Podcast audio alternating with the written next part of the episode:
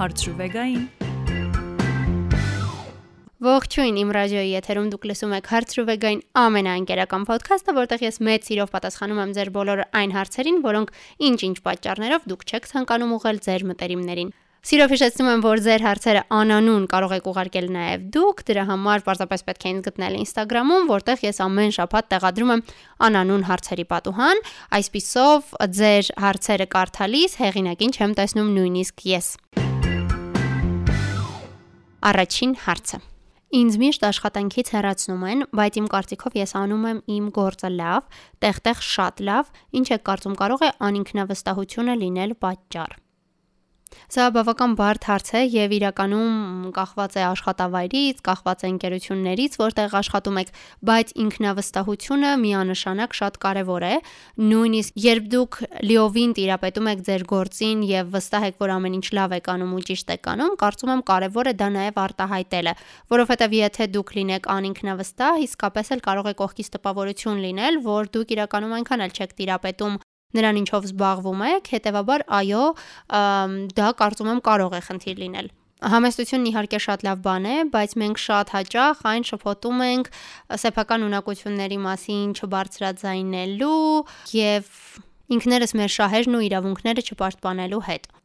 Ես նաև խորհուրդ կտայի փորձել միշտ parzabanել, թե ինչու են ձեզ աշխատանքից հեռացնում։ Առանց պատճառ հեռացնել չի կարելի եւ անպայման հարցրեք ինչու է կայանում խնդիրը, ինչն եք դուք սխալ արել։ Նույնիսկ եթե ընդունում եք որոշումը եւ ցանկանում եք լքել այդ աշխատավայրը, միևնույն է ինչ ինչ որ feedback այսպես ասած, հաստատ կարող եք ստանալ, ինչը կարող եք ավելի լավ անել։ Ես խնդրի լուծումը միանշանակ կփորձեի փնտրել հենց տեղում, այն բանից հետո, երբ աշխատանքից ձեզ հեռացնում էին, հարցնել, parzել, վստահ լինել, թե ինչու է կայանում պատճառը Այդ դեպքում արդեն գուցե ինքներդ էլ հասկանայիք, որ այո, խնդիրը անինքնավստահության մեջ է։ Ինքներդ ձեզ հարց տվեք, թե ինչը ձեզ կօգնի ել ավելի ինքնավստահ դառնալ եւ բարձրաձայնել ձեր աշխատանքի որակի մասին։ Եթե դա ել ավելի շատ աշխատելն է, ել ավելի շատ կատարելագործվելն է, ապա գուցե հենց այդ ուղությամբ աշխատեք։ Եթե խնդիրն այլ է եւ դուք օրինակ, չգիտեմ, ունեք հոգեբանի հետ զրույցի կարիք, գուցե դա օգնի։ Որոշ դեպքերում էլ կարող եք, եթե ունեք մտերիմ գոլեգաներ, ովքեր կարողանում են աշխատավայրում իրենց լավ դրսևորել ոչ միայն իրենց հենց աշխատանքի մասով, այլ նաև շփման մեջ, գործընկերների հետ լավ հարաբերություններ ձևավորելու մեջ, ապա ինչու ոչ կարելի է նրանցից նույնպես խորհուրդ հարցնել։ Ամենակարևորը մի ընկճվեք։ Համոզված եմ, որ վաղ թե ուշ կգտնեք ձեր երազանքների աշխատանքն ու ել ավելի մեծ սիրով կանեք այն, ինչին լավ տիրապետում եք։ Ինչպես ամուսնանալ այլ երկրացու հետ։ Անկեղծ ասած նման փորձ չունեմ եւ անձնական օրինակով խորհուրդ տալ չեմ կարող, բայց ենթադրում եմ, եթե անպայման ուզում եք, որ ձեր ապագա ամուսինը կամ կինը լինի օտարերկրացի, թերևս ենթադրում եմ, որ կա մի քանի տարբերակ կամ հաճախ ճամփորդել, եթե կա դրա հնարավորությունը, շատ ծանոթանալ զբոսաշրջիկների մեր երկիր ժամանացյուրերի հետ եւ փորձել նրանց շրջանում գտնել ձեր կյանքի սիրուն, եւ երրորդն էլ երևի ամենահարմար եւ արագ տարբերակը դա ծանոթությունների կայքերն են, որոնք թույլ կտան ծանոթանալ աշխարհի տարբեր երկրներից մարդկանց հետ։ Իհարկե չգիտեմ ինչով է պայմանավորված ձեր ցանկությունը հենց օտարերկրացու հետ ամուսնանալու հարցում, եթե խնդիրը կանխամտածված է եւ գուցե հետապնդում է այլ նպատակներ, ապա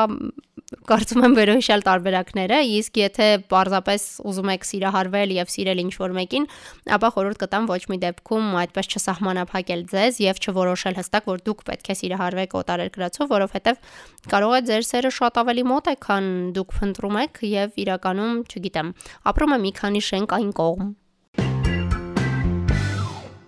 Ինչ անեմ, որ սիրածս տղան իր զգացմունքներն արտահայտի։ Նախ եւ առաջ վստահ լինեք, որ ինքնախապեյությամբ չեք զբաղվում, որովհետեւ շատ հաճախ մենք լրության հետևում փնտրում ենք այն, ինչ ուզում ենք տեսնել,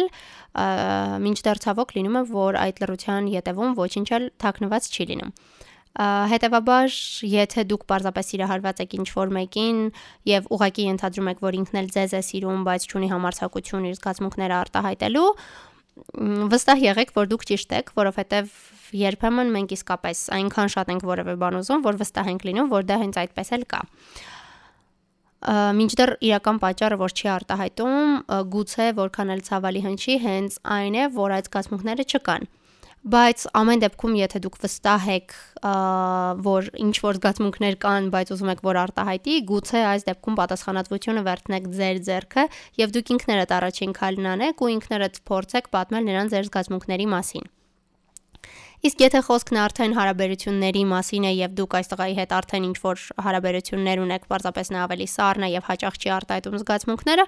ապա այդ դեպքում կարծում եմ կարող եք խոսակցություն ունենալ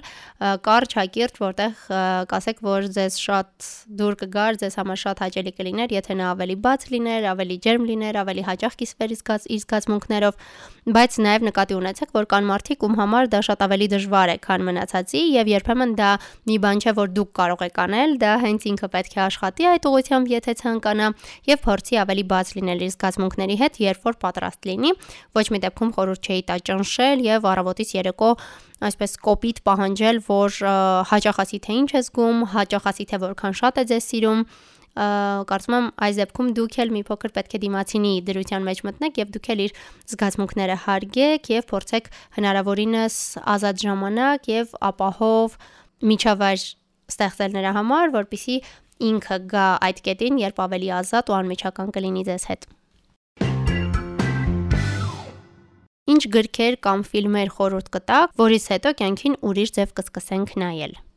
Կարծում եմ սա շատ ինդիվիդուալ, անհատական մոտեցում պահանջող հարց է, որովհետև նայած թե ձեր աշխարհայացքում ինչն եք ուզում փոխել, ես ինքս, եթե շատ անկեղծ չեմ սիրում այդ մոտիվացիոն գրականությունը, մոտիվացիոն ֆիլմերը, որոնք հատուկ գրված են մարդուն մոտիվացնելու եւ նրան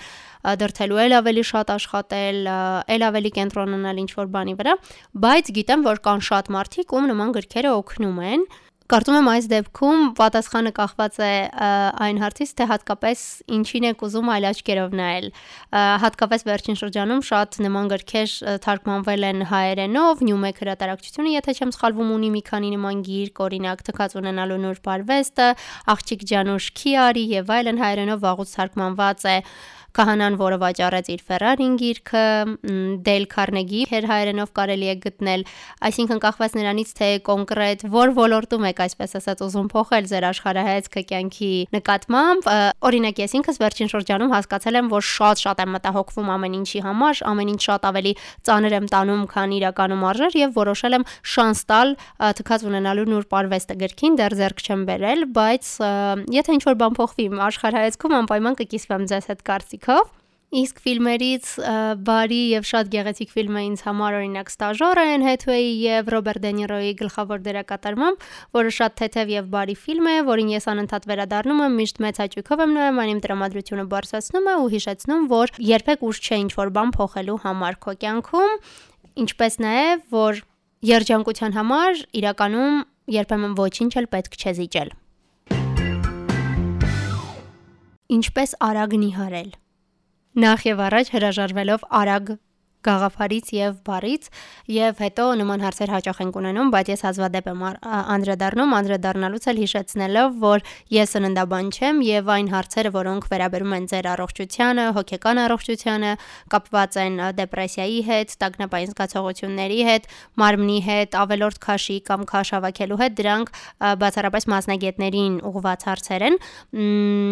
Մենք բարբերաբար ունենում ենք հյուրեր, օրինակ հոգեբան, ում ես ուղում եմ ձեր այն հարցերը, որոնք պարտադիր մասնագիտական միջամտություն են պահանջում։ Սննդի հետ կապված հարցերը նույնպես այս շարքին են դասվում։ Միայն կարող եմ ասել, որ ոչ մի դեպքում ինքնագործունեությամբ մի զբաղվեք եւ հիշեք, որ արագ արդյունքը միշտ չէ, որ մնայուն է, եթե կա հնարավորություն, ապա անպայման դիմեք սննդաբանի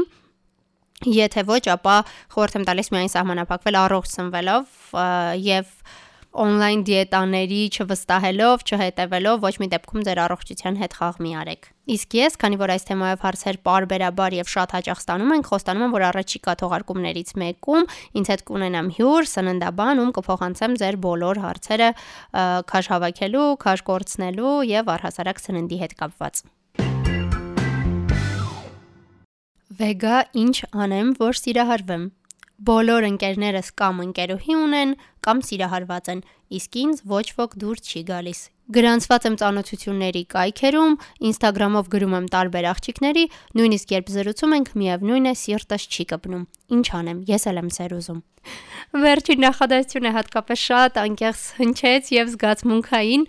իսկապես ամբողջ սրտով ցանկանում եմ, որ գտնեք ձեր սիրուն, բայց խորհուրդ եմ տալիս գոնե ժամանակավոր չվազել այդ մտքի հետևից, չկենտրոնանալ դրա վրա եւ սկսել այդ մեծ սերը, որ ձեր ներսում կա եւ դուք ցանկանում եք ինչ որ մեկին տալ, սկսեք այդ սերը ինքներդ ձեզ տալուց, ձեզ ավելի շատ սիրելուց եւ կենտրոնանալուց ինքներդ ձեզ վրա, երբեմն երբ ինչ որ բան շատ ենք ուզում եւ կենտրոնանում ենք այդ մտքի վրա, կարծես դա խանգարի եւ չստացվի, որ այնինչ մեզ համար նախատեսված է, ավելի շուտ, այսպես ասած, մեզ հասնի։ Հետևաբար խորհուրդ եմ տալիս գոնե ժամանակավորապես բաց թողնել այդ միտքը, կենտրոնանալ ինքներդ ձեզ վրա եւ համոզված եմ, որ դուք անպայման կգտնեք ձեր կյանքի մեծ սիրուն ու երջանիկ կլինեք։